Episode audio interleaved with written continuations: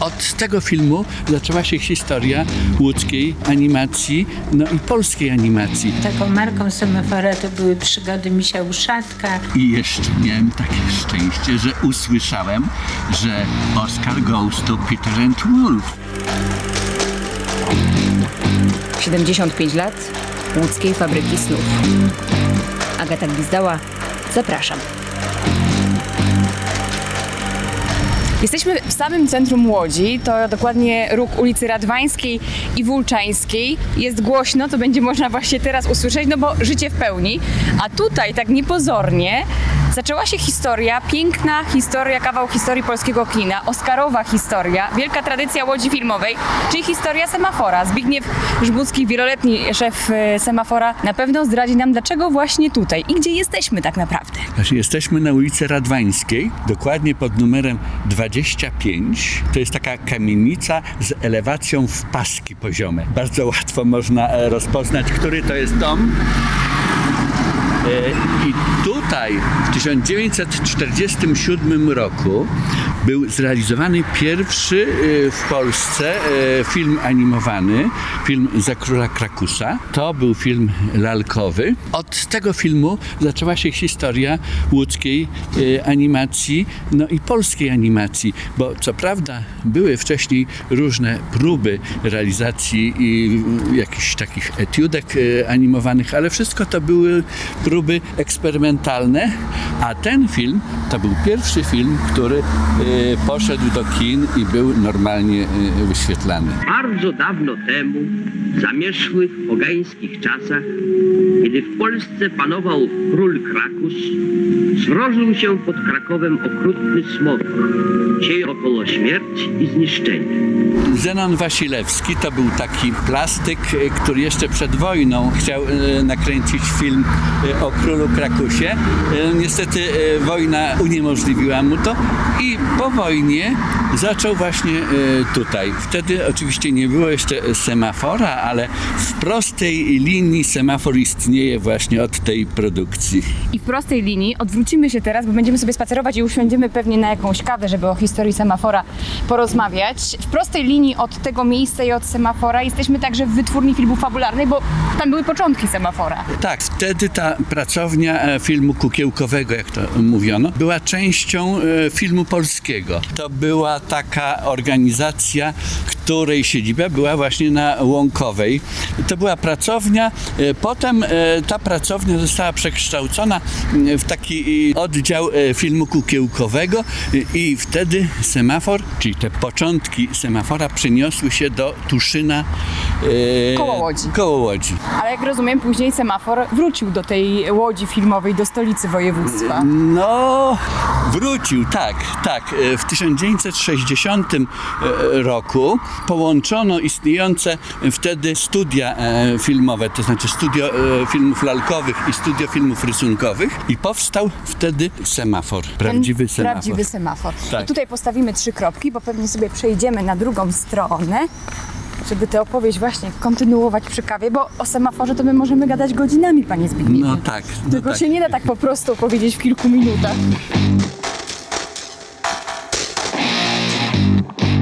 1960 roku e, ówczesny e, dyrektor pan Brudziński postanowił e, realizować nie tylko filmy animowane, ale to była najważniejsza rzecz, ale także debiuty młodych ludzi, którzy kończyli szkołę filmową. Było to takie miejsce, do którego przychodzili późniejsi znakomici twórcy typu Roman Polański, Janusz Majewski, później Filip Bajon, y, Marczewski.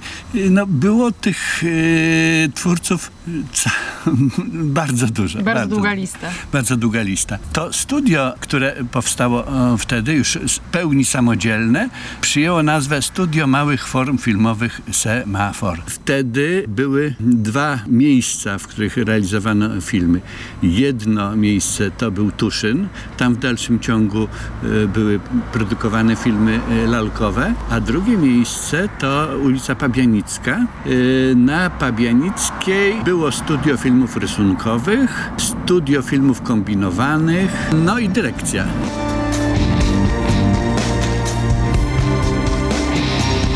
Twórcy niezapomnianych filmów i sukcesów studia małych form filmowych Semafor gościli też w Radiu Łódź. W marcu 2019 roku studio koncertowe imienia Henryka Debicha odwiedziła m.in. Jadwiga Wendorf, dyrektor kreatywna Semafora w latach 1979-1990. Gospodarzami wieczoru byli Marcin Tercjak i Elżbieta Czernecka.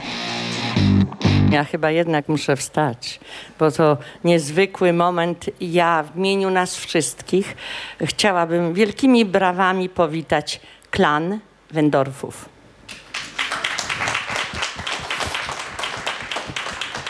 Jaki był twój pierwszy film, przy którym byłaś, pracowałaś na tej Pabianickiej Jadziu? Pierwszym filmem, który kolaudowałam w Semaforze, to był film Staszka Lenartowicza Anioł na kładce. I ja pamiętam, zaczęłam pracę w Semaforze i miałam jak gdyby przeprowadzić kolaudację pierwszego filmu. Byłam naprawdę mocno tym wszystkim jak gdyby przejęta, bardzo bardzo, bardzo podekscytowana, no ale jakoś szczęśliwie, ponieważ pan Stanisław Renatowicz robił w ogóle bardzo dobre filmy, w związku z tym uwag krytycznych było niewiele. Film został bardzo pochwalony, także Także ja też z przyjemnością ten pierwszy film wspominam. I tak naprawdę, jak pomyślę o tych latach semafora, to może nie wiem, czy, czy można tak mówić, ale uważam, że to były naprawdę wspaniałe lata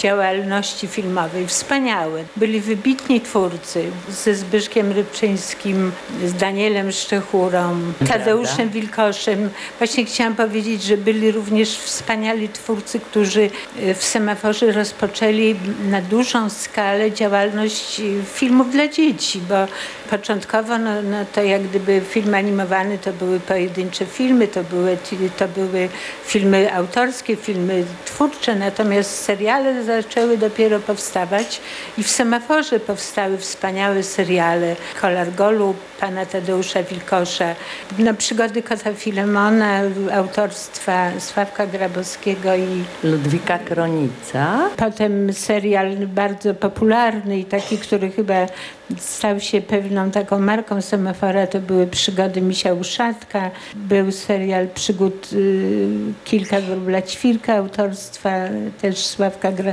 Grabowskiego. Także, także te seriale naprawdę zaistniały w świadomości i do tej pory. Na dobranoc, dobry wieczór.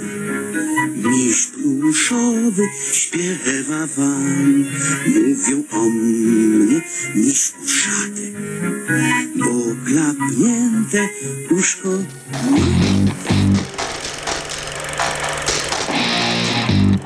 Kiedyś realizowano filmy na taśmie y, filmowej, na taśmie 35 mm, a nie w komputerze. W związku z tym nie wszystko można było nakręcić tak normalnie. Z tego też y, powodu wykształciła się taka grupa realizatorów od zdjęć specjalnych.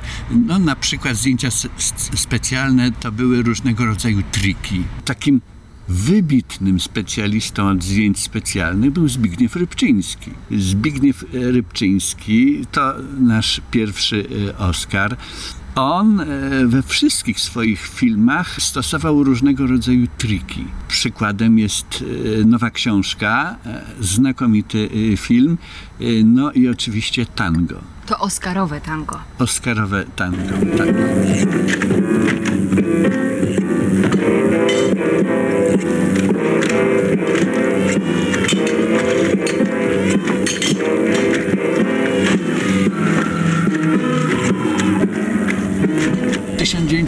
1999 roku studio zostało zlikwidowane i wtedy na gruzach tego studia powstała mm, spółka założona przeze mnie. Y, To był, y, była spółka Semafor Produkcja e, Filmowa. My chcieliśmy po prostu e, zachować nazwę e, w Łodzi i chcieliśmy, żeby w dalszym ciągu e, ta produkcja filmów animowanych w Łodzi była, a zwłaszcza filmów lalkowych, bo Semafor był jedynym studiem, które e, realizował filmy lalkowe. Ja bardzo chciałem, żeby to nasze studio było takim studiem realizującym filmy autorskie. To było główne e, zadanie. Dlatego też współpracowaliśmy z takimi twórcami jak Marek Skrobecki, e, wybitny e, twórca filmów lalkowych, zasługujący na Oscara. Film Ichtis na przykład, to jest w ogóle dla mnie absolutna rewelacja. No i w pewnym momencie dostaliśmy takiego maila e, od e, organizacji e, unijnej e, Cartoon. To jest organizacja, która ma na celu jednoczenie e, europejskich e, animatorów. Oni napisali, że są tacy Anglicy, którzy szukają studia, w którym mogliby zrealizować swój film lalkowy. I tutaj znowu przechodzimy do amerykańskiej nagrody filmowej, czyli do Oscara. No tak, udało nam się em, zrobić naprawdę znakomity e, film. No, miałem to szczęście, że byłem na gali Oscarowej i jeszcze miałem takie szczęście, że usłyszałem, że Oscar goes to Peter and Wolf. No to, to było coś niesamowitego. To są takie wspomnienia, które zostają absolutnie na całe życie, prawda? Tak, tak.